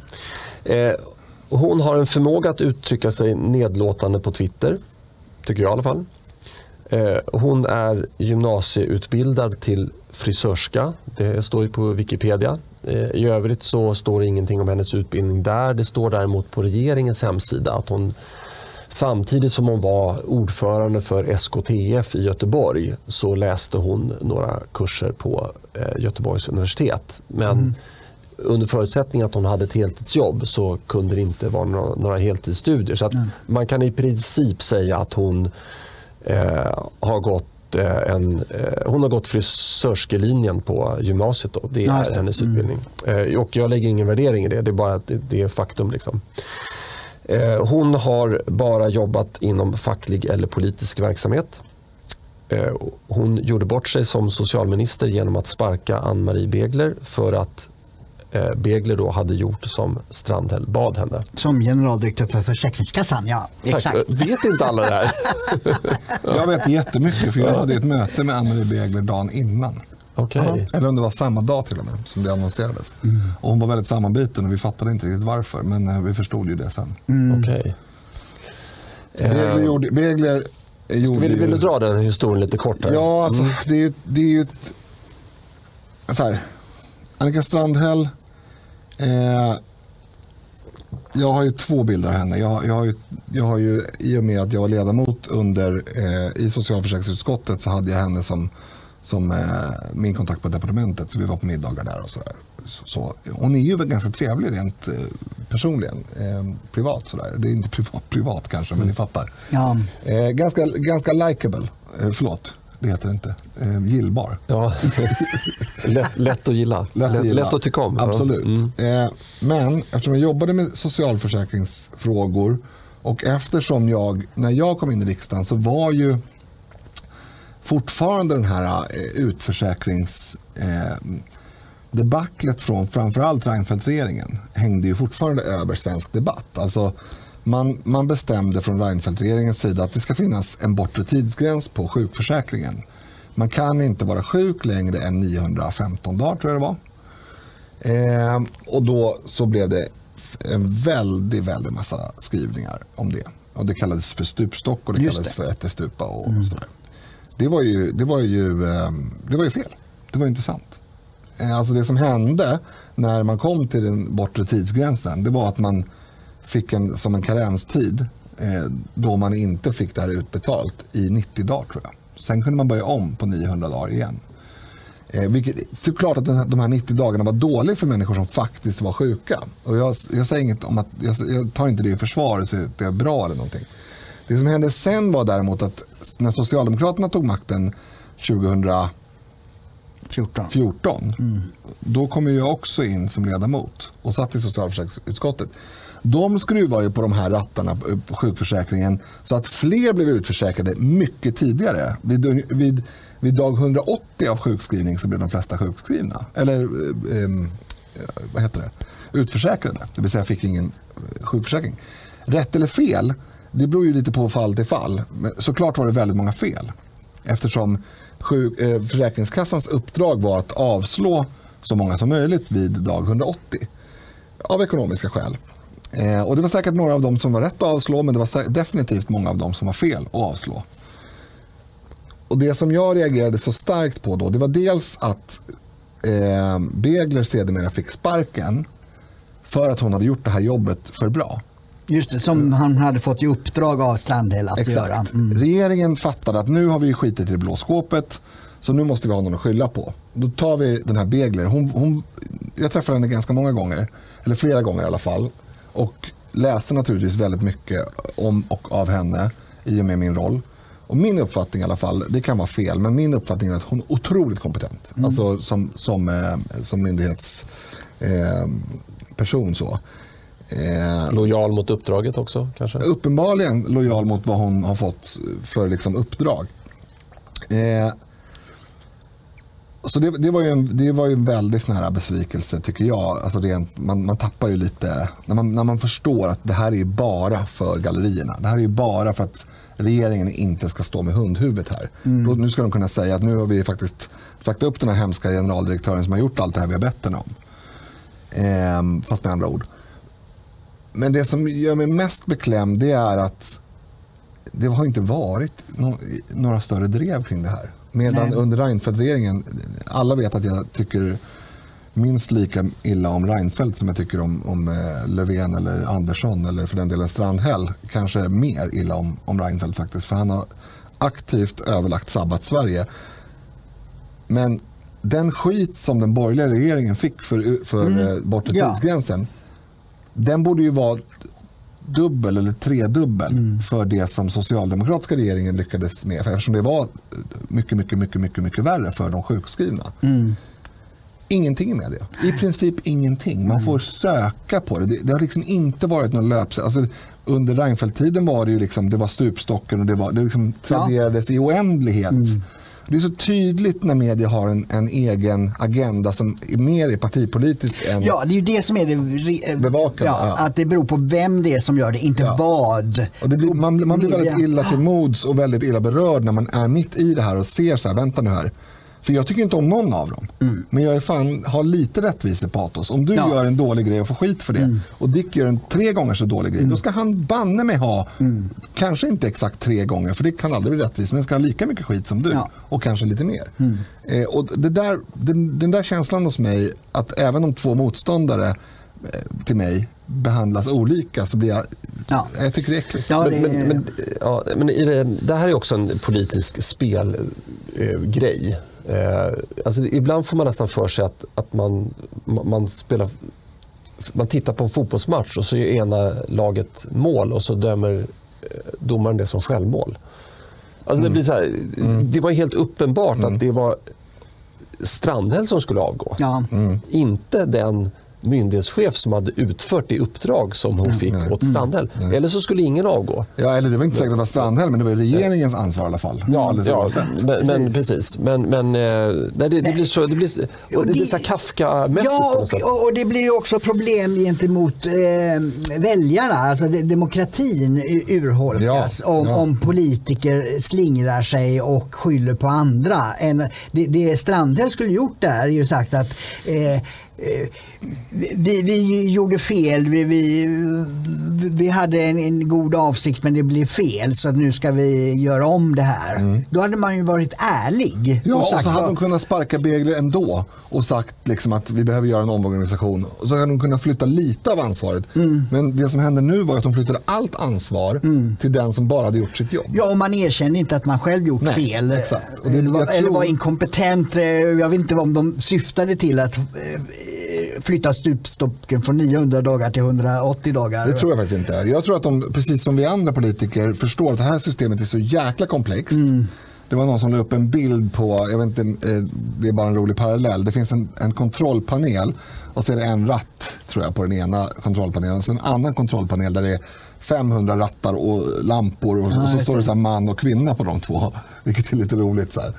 Kontrollpanelen för, för man det är, liksom, ja, det är ganska. Upp och ner, ja. ja och, och, kvinnor. Men lite så är det med, med eh, socialförsäkringen. Det är så otroligt många rattar mm. och liksom hålla på och, och, dra i. Och man ska ställa in det där optimalt för mm. att det vill man ju. Man vill ju att alla människor som är sjuka på riktigt ska kunna vara sjuka och få sin sjukpenning. Ja. Medan människor som försöker fuska eller, eller blir så att säga sjuka av att vara sjukskrivna. Det är också en faktor i det här. Mm. Alltså man kan uppleva sig som inkapabel att jobba för att man har varit sjukskriven mm. så länge och så vidare. Alltså den optimala inställningen är ju att den här ur, urgallringen, ja. ur, urgallringen blir perfekt. Men det, det, kommer den aldrig bli. Nej, nej, precis. Och det finns en annan aspekt på det också. Även om politiken skulle skapa den perfekta urladdningen mm. så är det hur organisationen hanterar det. För jag kommer ihåg att under alliansregeringen när man skärpte upp då så avsatte man mer pengar för rehabilitering. Mm. Att människor snabbare skulle kunna mm. komma tillbaks till arbete. De pengarna användes inte. Nej. För organisationerna var inte, statliga myndigheter, Försäkringskassan och, och sjukvården då, var inte inställda på att snabbt och effektivt kunna säga att den här personen det, han har led, eh, problem med knät, skicka till operation så kommer snabbt tillbaka till arbete. Så fungerar inte offentliga Nej. myndigheter. Nej. Utan de där rehabiliteringspengarna de, de skickades tillbaka till staten. Mm. Det, vi klarar inte av att använda dem, liksom, vad Försäkringskassan. Nej, det är ju en jättestor faktor såklart. Mm. Hur som helst. Eh, Tillbaka till Strandell. För att ja, jag, jag ville bara säga att jag tror inte att sossarnas intention var så här, nu ska vi ställa till ett helvete för de sjukskrivna. För, för onda tror jag inte att de är, jag tror att de är inkompetenta. Ja. Jag tror att de är onda mot alla som... Eh, inte röstar på dem. Ja, faktiskt. Eller typ, nej, men det, nu är det faktiskt, bland sjukskrivna är det nog väldigt många som röstar på sossarna. Ja, jo. Jag tror att det där är fel. Men eh, jag, jag, tror att de eh, är onda mot eh, kapitalister. Mm, det är de säkert. Det kanske är rätt också. Mm. Ja, men vi, vi gör så här då. Alla kapitalister lämnar Sverige mm. och flyttar till Schweiz. Tror du det går bättre eller sämre för Sverige då? Det går som Sovjetunionen. Jag tror det går sämre, men jag tror att vi skulle få jävla lugnt och skönt. Ja. Eh, det är skönt. Då, då, kan du som är lite mer vänsterlutande låta staten finansiera bostadsbyggande och eh, typ matvaruaffärer. kan de göra. En, annan sak är, är ju att Löfven straffar ju faktiskt Annika Strandhäll fast inte eh, publikt genom att hon, hon eh, blev ju inte eh, departementschef för socialdepartementet efter han ombildade regeringen. Utan det blev eh, Lena Hallengren då. Som, så de, de skiftade ut som departementschef. Och internt är det ju ganska viktigt mm. om man är departementschef eller om man är konsultativt statsråd som det hette förr i tiden. Det var därför som, eh, eh man har ju regeringsförklaringen lite färskt i minne och då mm. rabblar ju Magdalena Andersson upp Eh, alla statsråd, men hon, hon lyfter särskilt fram den som är departementschef. Ja, just det. Precis, mm. för det är en, en, en tyngre titel. Så, eh, Löfven, men, men det, det, är också rätt märkligt eh, in, inom politiken, och särskilt inom sossarna då, att här straffar han henne men talar inte om det. Nej. Mm. Utan det fick vi liksom alla titta på. Det. Aha, så det gjorde jag ju en artikel om då. Att nu är Strandel av med departementschefsposten. Men de, de flesta uppfattar ju inte det. Mm. Hon var ju fortfarande socialminister. Ja, det, det uppfattade inte ens jag. Eller då kanske jag gjorde det, men, mm. men det är ingenting jag kommer ihåg. Men mm. i alla fall, det här med betalningsanmärkningarna då. då mm. det som var aktuellt i veckan. Det, de fick hon ju nu 2018. Från 2018 till fram till idag så har hon fått typ nio stycken. Mm. Eh, men hon hade ju ett skuldsaldo hos Kronofogden redan 2013. Ja, just. Och då undrar man så här, varför granskade inte media det mm. när hon blev minister första gången? Ja, just det. Det, är ju, det är ju jättemärkligt. Det är otroligt märkligt. Mm. Och, och, Men då, får vi säga, då var hennes man vid liv. Men ja, det, jo, precis. Och det, då, då, kan det ju varit så att, att media tyckte att det här verkar vara hans. Alltså, Aha. Jag vet man, inte, jag bara gissar. Men är man som äh, gifta Nej, men om, om, registrerade i par? Nej, nej. men om, vi, om jag och min fru skulle ha betalningsanmärkningar och de var, det var hårförlängningar och det var bröstjobb och det var, nu hittar jag bara på alltså, det är inte eh, Då skulle kanske media säga så här, det är uppenbart att, att hans fru är en strulputta. Eh, det, det, är inte jag som har gjort brösten. Liksom. Eller alltså förstår Men, men, men är man som makar, det vet inte jag, i, i Kronofogden registrerade båda två? Om det är en, Nej, du är så ja. Och det, det är Ja. hans personliga då? 20, ja, det kanske det är. Ja, för- jag tänker, men jag tänker på det här med poolen och vad det nu var snack om. Det är ju en sån här typisk grej som det är svårt att veta vem som Mm. är ni med. Ja precis, men jag undrar, men det, det kan Men- ju som sagt inte hur, det, hur Kronofogden Nej, registrerar inte jag, en jag skuld kan inte det där. med, jag, jag tar tillbaka gifta. allt jag har sagt. Du är ju gift, du, har du koll på det? Nej, du, Ja. är- du, är inte, du har inga skulder hos Kronofogden kanske? Nej, Det där var eh, roligt. Ja, precis. Eh, nej, det är... Skulle Kronofogden skyldig honom? Ja. Nej, men, men det är ju liksom, eh, vad ska man säga, eh, det är väl eh, inte omöjligt att få en betalningsanmärkning. Och, eh, det är väl, jag vet inte riktigt när man hamnar, jag har faktiskt varit med om en gång, jag företrädde en, en förening faktiskt, eh, där det, den lev, leverantören hade inte uppmärksammat att jag hade bytt adress. Nej. Så att de skickade ett brev till den gamla adressen. Det låg där, kom inkasso, kronofogd. Sen efter, jag vet inte varför jag ens fick det där brevet Kanske någonsin. en Men, ny, ny brevbärare kanske? ja, men alltså den brevlådan var liksom totalt, jag, jag åkte förbi där av en slump. Liksom. Eh, och så, men det här bara svämmade över massa brev. Eller nej, förlåt, det var inte massa. Det var ju just den här leverantören. Eh, men, men där låg det en bunt. Liksom. Det var ju originalfaktura, inkasso och så här. Och då ringde jag till leverantören och så sa jag, men eh, jag har ju skickat, jag har ju mail på att jag bytt adress här. Och då återkallade de betalningsanmärkningen. Ja, ja. Mm. Gick, alltså, den den försvann bara. Den, den går in, det gick inte. Vart ens en anmärkning? Vart Ja, då, då hamnade den här föreningen hamnade i den, den hamnade ju, hade, hade ju ett skuldsaldo hos, eh, hos Kronofogden. För att är det så att om man struntar i att betala fakturan, struntar i att betala inkasso, struntar i betalningspåminnelsen som kommer innan inkasso då, struntar i Kronofogdens anmodan, man bara struntar i allting, då får man ju en Men jag tänkte precis säga det. Alltså, Mm. jag har ju, alltså från att jag, jag flyttade hemifrån när jag var 19 år. Eh, har haft ganska långa perioder och jag har inte haft särskilt fett. Eh, framförallt i början av mitt, mitt liv utanför så att säga boet. Och jag är en jäkla slarver när det gäller räkningar.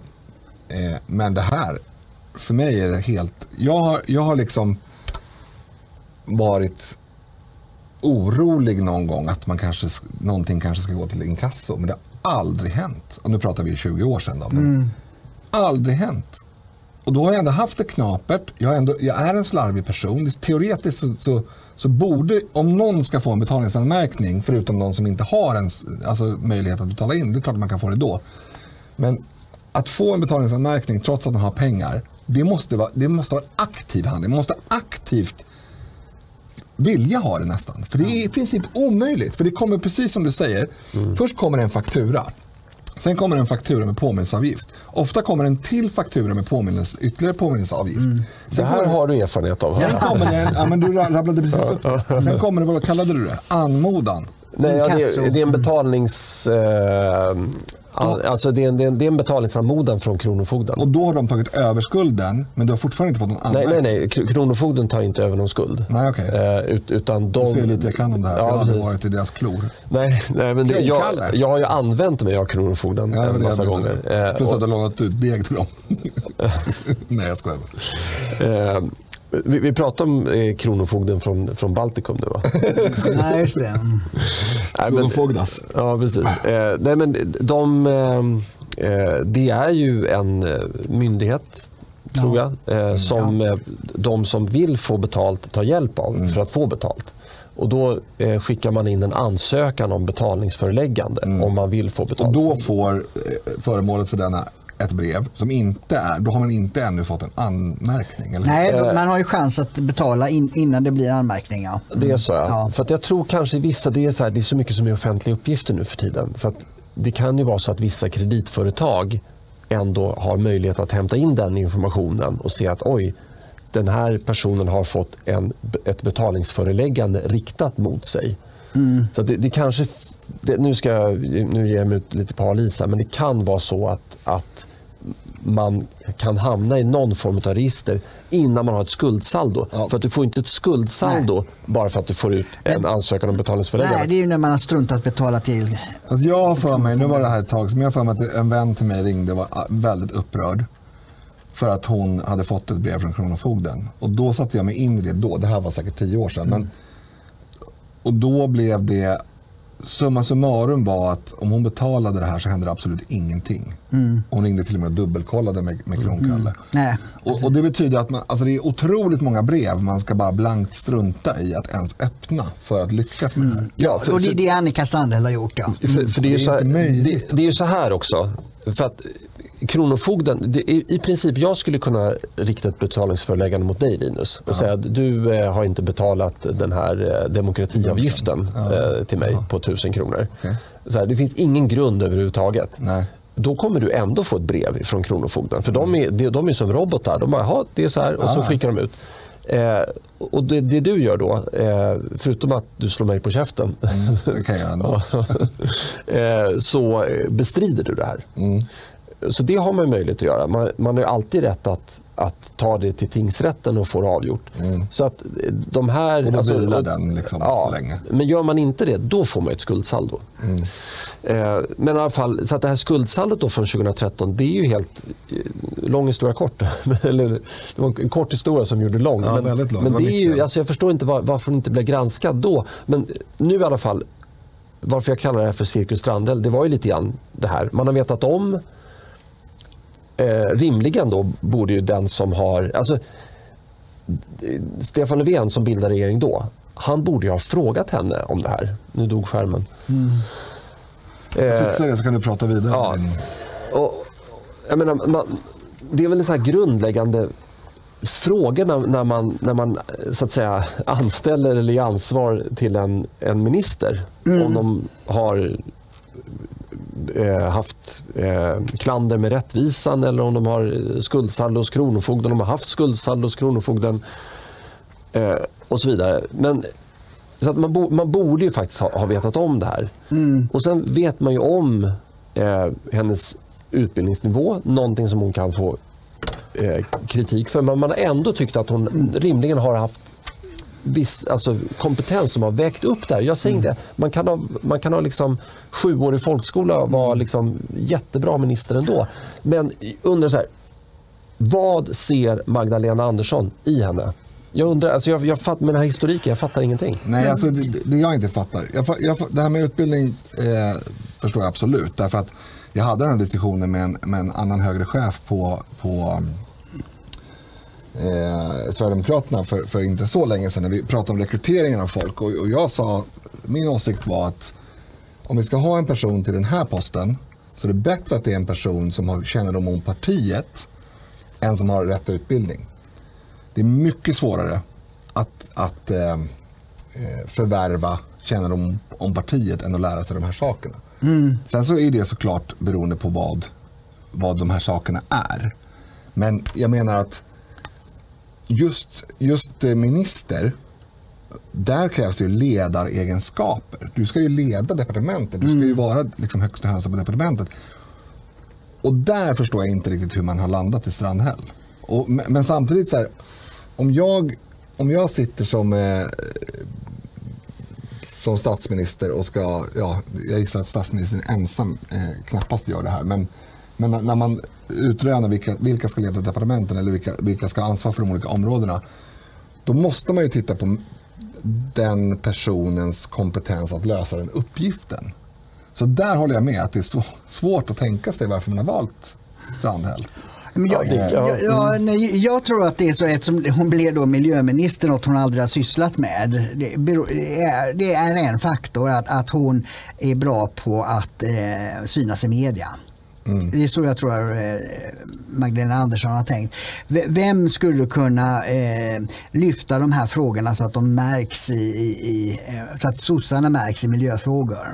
Och d- då har Strandhäll ju en, förmåga att synas i media. Det har hon gjort även nu när hon inte varit minister överhuvudtaget. Har hon ju fått en timslånga intervjuer i SVT och så vidare. Så att hon är, hon är ju liksom eh, duktig på att skapa media kring sig. Det, är så jag tror att eh, hon är helt enkelt en propagandaminister för miljöfrågor.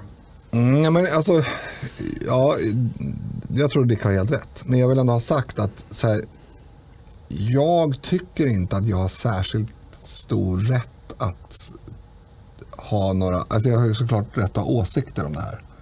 Men det är ju sossarna som måste bestämma vilka ministrar som sitter Ja, ja. på deras olika poster. Och min enda så förklaring till hur det kan bli så tokigt som det ändå har blivit nu och har varit ganska länge, det är att det finns helt enkelt inte särskilt många som står i kö. Nej, att välja på. Nej, jag tänker tanken att ni vet att i, i USA så har ju inte presidenten samma makt som svensk statsminister. I Sverige så utser ju Magdalena Andersson vem tusan hon vill som är svensk medborgare, det är väldigt få krav som är formella. Eh, Men i USA, där nominerar bara presidenten utrikesminister, försvarsminister och så vidare. Sen sätts de i förhör inför hundra senatorer som ställer hur många komplicerade frågor som helst på det området. Och då måste de ha läst på, om de inte kan det området, så måste de då eh, gen- gentemot senaten visa att de har läst på, att de lätt kan ta till sig den materia som den ministerposten handlar om. För de som utfrågar är ju, är ju dessutom senatorer i det utskottet. Så det är liksom eh, senatorer i utrikesutskottet som har suttit där i 30 år, de är ofta åt- 80 år gamla senatorerna, som frågar ut en ny eh, nominerad utrikesminister. Så att, eh, och ibland har jag tyckt att det där borde vi ha Det i Sverige klokt också. faktiskt. Ja, Å andra det, sidan, de har ju, det, eh, den amerikanska presidenten kan ju i princip starta krig för att han är på dåligt humör. Så det är ju det är en nedsida. Ja, det är, men det är precis, den utrikes har ju eh, utrik, eh, presidenten i USA stor makt, utrikes. Men, eh, men inåt så, så är det både delstater och eh, kongress som har mycket att säga till om. Mm. Ja, nej, men det, det blir på något sätt lite så här postmodernt. Alltså det, det här har ju varit... Man har ju vuxit upp i, i det socialdemokratiskt marinerade Sverige. Ja. Så här, Det är nej, men du är inte... Ja, ja, men så här, vem ska ha, till den här befattningen då? Ja, en som har eh, kompetens för befattningen eller? Nej, men det finns det väl ingenting... Nej, men det Ja. finns väl ingenting som säger att den här inte kan. Mm. Och, och vad, ska vi inte ha kvinnor som brandmän? Och så? Jo, men det kan funka. Mm. Det kan funka jättebra. Men nu pratar vi om Sveriges statsledning. Mm. Och jag tycker inte vi ska chansa med det. För den här kvinnan hon har en tveksam gymnasieutbildning, eh, som, alltså ur aspekten eh, miljö och klimatminister. Hon har bara jobbat inom politik och facklig verksamhet. Vad har hon gjort? Ge mig något exempel på någonting hon har gjort som gör mig lugn inför att hon hanterar Sveriges miljö och klimatfrågor. Och det, det är ju liksom, vi har en energi och digitaliseringsminister men hon har ändå tydligen påverkan på om vi ska ha kärnkraft eller inte. Ja, det beror på hur eh, ansvarsområdena på departementen är indelade. Ja, så jag är fortfarande inte på det klara med det. Och jag menar, Mm. Är det så att Sverige har lagt eh, kärnkrafts, eh, möjlig återstart av, av kärnkraft eller inte i händerna på Annika Strandhäll. Då, då är inte jag, jag, jag kommer inte sova lugnt om natten kan Nej, men det enda du kan göra åt det, förutom att gapa och gnälla i en podd, det är ju att du måste hålla dig från att rösta på Socialdemokraterna nästa gång. Även om jag märker att det kliar i fingrarna på dig. Ja, men jag, jag, jag tycker så här, jag, jag, jag förstår Ja, det att jag du menar, det är inte vår business Nej, men då, då, då, kan jag, då kan jag lägga ner podden och så kan jag bara gå och rösta på eh, Nej, men vi SD nästa gång. kan- Nej, Eh, jag tycker för- det finns en gräns för vad, hur mycket liksom... Alltså vi ska ju, vi ska ju såklart kritisera eh, all politik som, framförallt all dålig politik, vi ska inte eh, kritisera om det skulle komma något bra, all dålig politik som regeringen står för. Men som sagt, ja, ni märker ju att jag har ju också åsikter så det är inte så att jag säger att man inte får ha det. Jag Ja, du menar att- skillnaden personfrågor? Ja, är- någonstans så tycker jag att hade jag varit Men jag, socialdemokrat nu, nu får jag avbryta dig här, för jag har inte sagt någonting om hennes person. Jag har inte sagt att hon är en idiot, jag har inte sagt att hon är dum i huvudet. exakt det du har sagt. Nej, det har jag inte sagt. en person, att sätta en person på en post är en personfråga. Ja, men jag har inte Du sagt sätter inte någonting henne. partiet på ett på Nej, en utan jag har bara sagt liksom... Nej, men jag har inte ja, sagt att det, är personliga påhopp, det är en annan sak. Nej, ja, det, det, det enda jag har sagt som är lite, lite subjektivt det är ju att jag tycker att hon uttrycker sig väldigt nedlåtande på Twitter mot Mm. andra. Ja. Och nu tycker jag att det är dags att du byter ämne. Ja, men bara, bara summera. Det, det, det jag tror har skett det är att eh, istället för att man har minister, statssekreterare som ju då är, eh, ska verkligen vara sakkunnig och pressekreterare som ska rapportera till media så har man vänt på den. Eh, så hon är pressekreterare åt miljödepartementet. Ja, ja. Och, och så får man ha sakkunniga under. Men pressekreteraren får ju inte komma till SVT så därför så... ja, så kallar man det minister. Ja, och det, och det skulle vi kunna ha liksom flera fredagsavsnitt om. Ja. För det är, ju, det är ju för jäkligt rent ut sagt att det har blivit så. Ja. Eh, jag ska bara säga det att eh, Erik Lidström heter den här eh, personen som skrev eh, eh, artikeln i Bulletin. Och överskriften heter regeringskris och krisande demokrati. Så att det vävs in lite grann i det här, eh, även i den här punkten. Ja. Så att, eh, läs den, gott folk.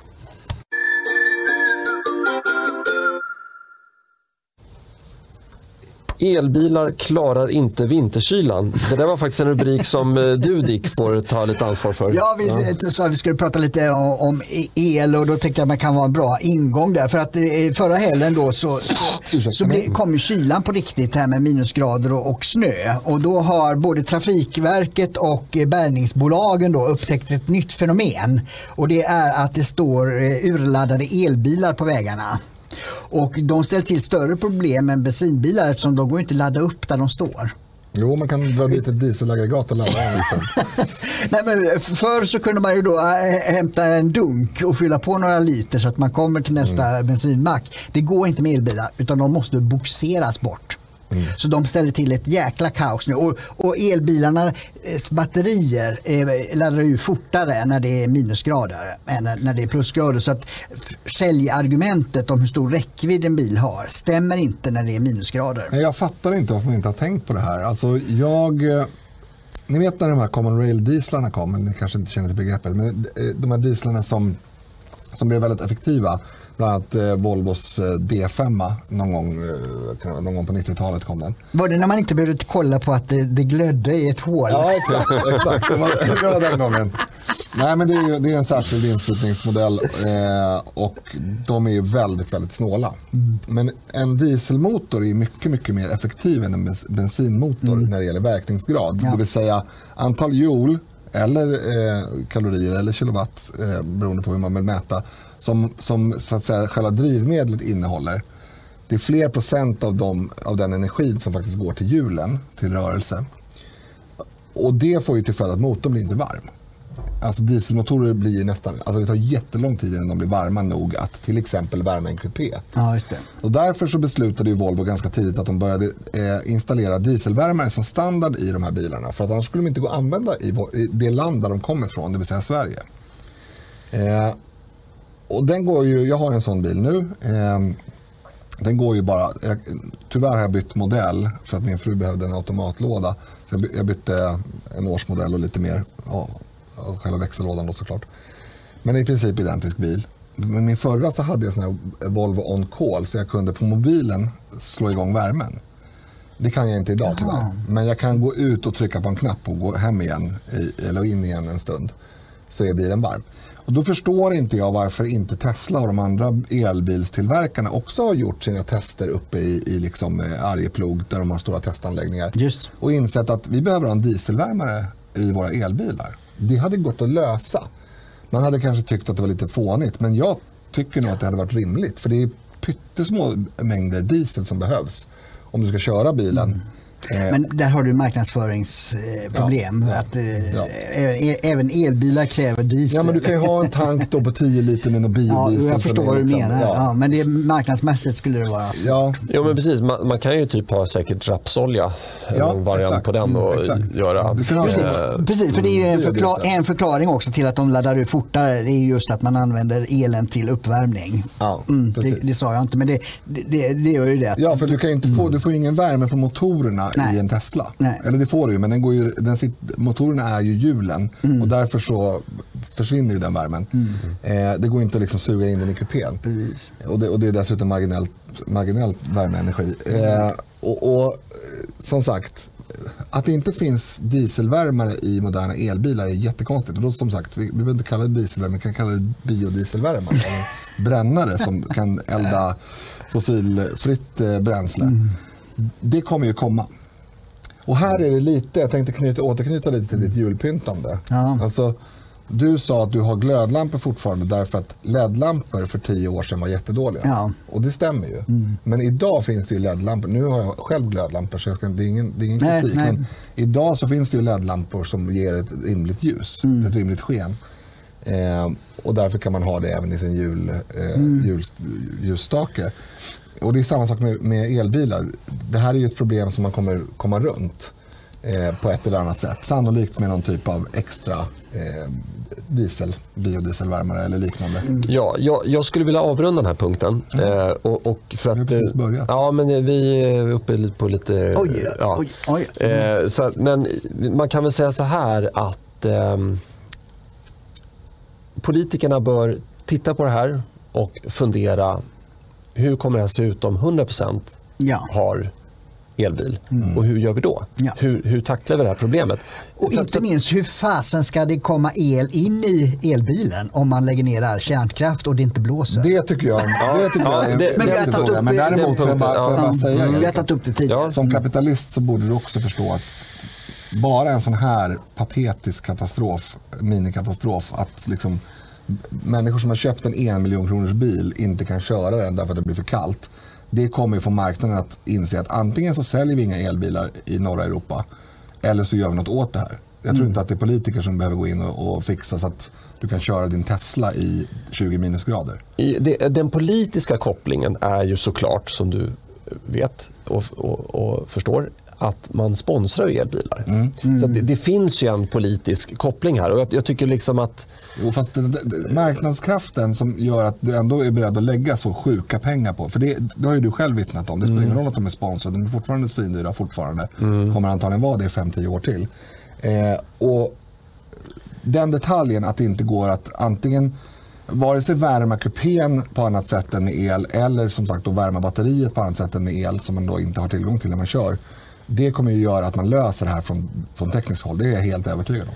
Ja, men, men det, det, det, jag, det jag vill liksom klanka ner på lite grann här det är att politiker, speciellt på vänsterkanten, ser inga problem med att lägga ner kärnkraften. Ser inga problem med att fasa ut e, eh, bensinbilen. Men det var det Eh, jag och- sa precis. ja. Den invändningen var jättebra. Den tycker jag vi ska prata om. Man får avveckla det som fungerar först och sen hoppas man att det nya ska fungera. Ja. Det är en jävla korkad eh, livsfilosofi.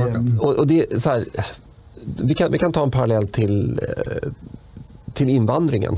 faktiskt. Man, man såg lite tendenser, kanske till och med så här sent 70-tal, att "Nå, vänta, det är lite problem med... Men då, då viftade man bort ja, men det där är väl inga problem. Det där, Vi skickade bara dit några poliser och det är, liksom, det var lite bråk och så här, men det spelar ingen roll. Och de kostar lite pengar, men det är så lite. Det är bara en, en miljondel av, av statsbudgeten. Ja. Och nu ser man här, ja då kan man skoja bort det, ja, men det kanske bara var 30 bilar. Eller, det, Just jag, jag är till och med, vissa har sagt två bilar till och med. Så att det är väldigt osäkra uppgifter här. Men jag har, alltid, jag har hört allt ifrån två bilar till 50 bilar. Men, men rimligen, eh, Ja, som har sanningen ligger- stannat ja, som har på- stannat på vägen, Ja, ja. precis. Två bilar som stannar ger ju såklart minst 50 bilar som stannar också eftersom man inte kan köra förbi. Ja, men alltså som var tvungna att boxeras bort. Ja. Eh, Det var det som var grejen. Eh, Men alltså, det, det, det, det är viktigt nu att politikerna inte bara kör på det här elbils och liksom och fortsätter att eh, sponsra elbilsköpare. Och liksom, det har ju också mycket betydelse vad ministrar säger tycker jag. Vi ska fasa ut bensinbilen. Även fast det kanske är teoretiskt omöjligt så är det, det, är, det är en riktning de stakar ut. Ja, Och det är, en, det är liksom en, en, eh, ett budskap till, eh, till medborgarna. Så att nästa gång, du bör nog köpa en elbil istället för... Ja, visst, visst. Ja, men, men, men politiker de tar ju för sig aldrig något ansvar. Utan de kan ju säga, de kan säga vi kommer förbjuda bensinbilen 2030. Har Annika så, Strandhäll en elbil? Ja, det är en bra fråga. Men jag vill bara säga det, liksom, det här är ändå en... Eh, anledningen till att vi tog upp det här, trots att det var liksom en bagatell, så här, det är, så här, man måste ju tänka framåt. Man måste plocka upp de här problemen och det kanske är så att branschen löser det. Mm, Men, men innan, däremot- innan branschen löser det så kanske man som politiker inte bara ska liksom säga elbil, halleluja, bensinbil, död. Ja, men jag, jag tycker så här också, det här, det här är ganska intressant tycker jag, det du säger om subventioner och så. Därför att jag ser ju andra problem med subventionerna av elbilar. För att problemet nu är att vi säger då, Sverige säger inom citationstecken till Elon Musk och andra, eh, andra tillverkare av elbilar, det finns ju av alla dess slag nu, eh, att det är inte priset som är problemet, det fixar vi. Och Problemet då om man nu faktiskt tror på att vi ska byta ut fordonsflottan till en, eh, till en eldriven fordonsflotta är ju att det kommer vara priset som är problemet. Så det är jättedumt att sända de signalerna. Är Ja, du med? ja, det, det, är inte eh, så att Sverige, det är inte så att Sveriges del av elbilsmarknaden är så stor att om vi subventionerar elbilar så kommer Elon Musk och bara Åh, nu ska vi börja tillverka ännu bättre elbilar. Det kommer han ju tänka i alla fall. Eller, Sälja dem är ännu dyrare kommer han göra så att staten betalar, eh, Det, går in med det, är ju, det är ju kontraproduktivt. Precis. Men jag, jag är inte lika teknikoptimistisk som du Linus. För att, eh, jag, jag kommer ihåg det här med när etanol var den stora lösningen. Och staten tvingade på bensinmackar ha- gräva ner etanoltankar. Mängder med bensin, små bensinstationer på landsbygden fick lägga ner för de skulle aldrig få ekonomi eftersom de har ju relativt färre kunder. Ja, vad är etanolen nu? Alltså det, politiken är därför- överdriver teknisk utveckling på Fast ett det- sätt som är, är groteskt. Fast det är därför el är bra. Alltså, det är just på grund av det. Eftersom el inte... Vet du vad, den här diskussionen har vi Ja, faktiskt ja, haft förut. Nej, men jag, att jag väljer... avsluta säga att Ja, det är el fem el sekunder. Är en transport, det, det är ett sätt att transportera energi. Det är inte energin. Sen hur du får energin, det kommer ju variera över tid. Okej. Mm.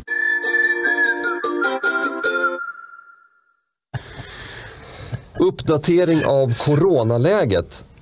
Den nya varianten som kallas omikron tar över mer och mer. Kommer vi någonsin att bli av med det här viruset? Nej, men jag, jag pratade med, med, med folk på Folkhälsoinstitutet eh, redan i, i början på det här och eh, de som är eh, eh, vad heter det, eh, epidemiologer var det jag pratade med en, eh, säger det att hittills i världshistorien har det varit så att, att dels finns det tidigare mängder med coronavirus som i- är basen i det som är eh, vanlig säsongsinfluensa innan eh, corona kom. Så corona är liksom en sorts influensavirus. Eh, och genom historien så har man hela tiden sett att de som är visat sig vara farligare virus eller ställa till större problem, de har alltid blivit mindre farliga. För de vill också överleva. Och ju dödligare de är, ju färre världar har de ju att bo i. Så att, eh, virus muterar hela tiden och all utveckling fram till nu visar att de blir mindre farliga eh, än, än vad de var i början. Så att om ni kommer alla de här eh, man har, man har ju inte bevis för det. Det är ju därför media kan eh, skriva de här eh, hysteriska rubrikerna. Man har inga bevis än men allt talar för att det är, även om det är mer smittsamt så är det mindre farligt. Ställer till färre som hamnar på IVA och dör. Mm. Och så kommer det vara med eh, corona och med alla de varianterna. Att de blir en, en del av den coronavirusmängd eh, som ha- har funnits i mänskligheten väldigt länge. Mm. Givet det här då, eh, Linus, eh, är det rimligt att ta en till två sprutor per år livet ut? Ja, om man är riskgrupp. Precis som riskgrupper har gjort innan covid-19 också. Alltså man har ju tagit, man har erbjudit människor som, eh, alltså de säkra vaccinerna, de, de som är beprövade, alltså säsongsinfluensavacciner till exempel, det erbjuds man ju om man blir gravid. Därför att det är svinfarligt att få 40 graders feber och svåra kräkningar när man är i vecka 35. Liksom. Eh, alltså för fostret, eller för barnet. Eh, eller för kvinnan också för den delen. Eh, så det, det, kommer ju, det kommer ju att bli så. Att man erbjuder gravida, eh, gamlingar, skröpliga människor, människor med andra riskfaktorer. Det kan ju vara både genetiska eh, och sjukdomsartade eh, riskfaktorer. Men eh, det börjar väl landa på en nivå nu där jag tycker att det verkar lite galet att hålla på med de här nedstängningarna och eh, sådär. Eh, sen, ja, det blir min personliga åsikt då. Det här är ju en väldigt het politisk fråga. Jag, jag tycker att det här med vaccinpass som inte som du inte kan förvärva genom att ta ett PCR-test till exempel. Alltså det, det borde vara ett covid-pass snarare än ett vaccinpass. Om ni förstår vad jag menar. Ja, att man Om kan man- göra, lösa det på, genom testning. ja. Ja. Jo, jo, men det håller jag med om. För att det och, finns... Eller genomgången infektion. Just om jag precis Mm. har haft covid-19 och klarat mig eh, från det, då ska inte jag behöva vaccinera mig för att gå in på en... För jag har ju bättre skydd. Ja, nu har jag vaccinerat mig, så, så det är, det är inte, jag pratar inte egen sak. Jag pratar bara i en... Så här, vi vill ju att vi vill ju ha igång ekonomin. Vi vill ju att människor går och, och eh, spenderar sina eh, pengar på bio eller på konsert eller på vad fasiken det nu än må vara. jag ser inte varför vi ska utestänga människor som bara kan köpa sig ett test. Eh, eller som sagt då har genomgått en infektion senaste, vad det nu kan mm. vara, nio månader eller vad man nu säger är säkert kan väl de också få komma in och betala ja. sin biljett? Nej, men det finns ju de som, eh, jag känner de som är avråtts från att vaccinera sig ja, eftersom de har eh, sådana problem. Och de måste ju kunna gå på konsert också. Så att säga. Men då är det just det att, att, ta ett test och visa att man inte är mm. smittad. Så att säga. Så att... Det ironiska är att ungefär samtidigt som omikron eller vad man, hur man uttalar kom upp så eh, gick ju, om det är ett Handelsinstitutet eller något sånt där eh, gick ut med årets julklapp. Ja, som var evenemangbiljetten. Just det. ja, men de vill ju ha igång ekonomin. Ja, det, det liksom, årets julklapp borde vara PCR-test. ja, exakt. Eh, ja, men jag tror så här om corona. Jag blir förbannad att, att det fortsätter. Liksom. Eh, Förbannade virus, ja. Mm. Det är skit. Ja. Eh, nu, nu eh, Sen, sen, är jag också lite förbannad, det har jag också skrivit om på Facebook, över folk som sprider eh, här, fakta som, de, som säger någonting som de, de tror in, de förstår inte vad, fakta, vad det, den fakta de sprider säger. Till exempel att 80% på någon IVA-avdelning är redan vaccinerade. Mm. Då är det så här, om man inte förstår statistik, alltså det, det sprider de i, i syfte att säga att vaccinet inte är bra. När man inte förstår statistik så tycker jag inte man ska syssla med att sprida det. Alltså, det borde man förstå liksom, i grunden. Jag förstår inte det här så därför tänker jag inte sprida det. Därför att vilka är det som är vaccinerade? Jo, det är alla riskgrupper. Alltså alla som är skröpliga mm. och, och, gamla. Och de fick dessutom det här först i våras. Eh, det är klart att av alla de som blir sjuka fast de är vaccinerade så kommer samtliga vara i den, alltså den liksom, svåra riskgruppen och alla de är vaccinerade. Vilka är kvar i den gruppen som inte är vaccinerade? Det är barn. Mm. De hamnar inte ens på IVA. Så att, att det är 20 procent som är ovaccinerade på IVA, det är däremot konstigt. Det säger någonting. Åt, men åt andra hållet. Inte mm. det som de här människorna tror att det säger. Mm. Så du har en jättestor grupp vaccinerade. Du har en pytteliten grupp ovaccinerade, varav nästan alla tillhör de grupper som inte ens blir sjuka att de utgör 20 procent av de som behöver livsuppehållande vård. Mm. Eller det kanske inte heter, men ja, ni fattar. Mm. Intensivvård. Det är däremot det är ett, ett argument för, för vaccin. Mm. Mm. Jo, det är proportioner, att man inte klarar av att se. Det, det, alltså det, här med, det finns ju en massa såna här biasbegrepp i, inom statistiken. Man måste verkligen först ha koll på vad är det man mäter? Eller vad är det, vad är det jag mm. tittar på här? Mm. Det är liksom inte jag, jag drog någon parallell på, på Facebook att nästan alla som dör i bilolyckor har ju bilbälte på sig. Just det. Mm. Det är fåtal som faktiskt inte har bilbälte på sig. Men det beror ju på att de allra flesta har bilbälte. Mm. Det är inte, alltså... jag, jag, jag, tror att det har också så funnits en förväntan på vaccinerna. Ja, då, exakt. Ja. exakt. Att det ska vara 100% skydd och ja. att man bara ska liksom... Bli, aldrig bli sjuk i någonting. Exakt. Men, men då måste man förstå att de här människorna som dör nu, nu, nu ska jag inte uttala mig om varenda individ, men det är så här fyra, fem om dagen, eller vad är det? Den stora majoriteten av dem de skulle ha dött av i princip vilken jäkla förkylning som helst. Mm. Och det går inte att alltid skydda alla mot Nej, och då, då kommer nästa fråga. Är, är det rimligt att stänga ner samhället nej. som man gör nu? Nej, nej, det är det inte. Och det tyckte jag... Alltså det man skulle gjort det var ju när det kom, då skulle man stängt ner för att inte få in det. Mm. Men då var man ju tvungen att göra det väldigt tidigt och så då stänga flygplatser och inte bara från Italien och Iran utan från London och alla mm. de där ställena också. Mm. alla som kom till Arlanda och, och var eh, Landvetter och så vidare skulle satts i karantän i februari ja, förra året. Men, men, men det, det, det, är ju en svår, eh, eftersom man inte trodde, eh, WHO eh, och Tegnell och andra trodde ju inte att det skulle få den här spridningen. Så det, där är, ju en, är, man ju lite efterklok när man säger det. Men, men i övrigt så, jag har tagit upp det i podden, Diamond Princess, det här kryssningsfartyget mm. som la till i Japan i februari och hade eh, corona, var en sån här tidig eh, spridning på den där båten de 3600 passagerarna och, och, och besättningsmännen blev ju liksom ett litet laboratorium då, mm. där man testade alla, kollade upp alla och så vidare. Och då, redan då var det väldigt tydligt, under 70 år så var det som en, en pandemi. Eh, dödligheten var som en pandemi, eller lite över. En säsongsinfluensa. En, en, en, just en, en säsongsinfluensa.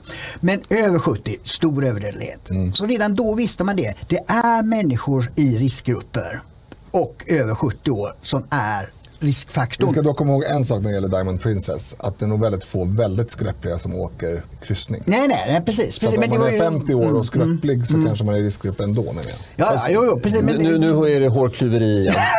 för, för att det är så här att det, det är inte så att om... Eh, det, det, din kommentar hade varit relevant om det hade varit så att de som är riktigt superskröpliga har högre överlevnad än de som är över 70.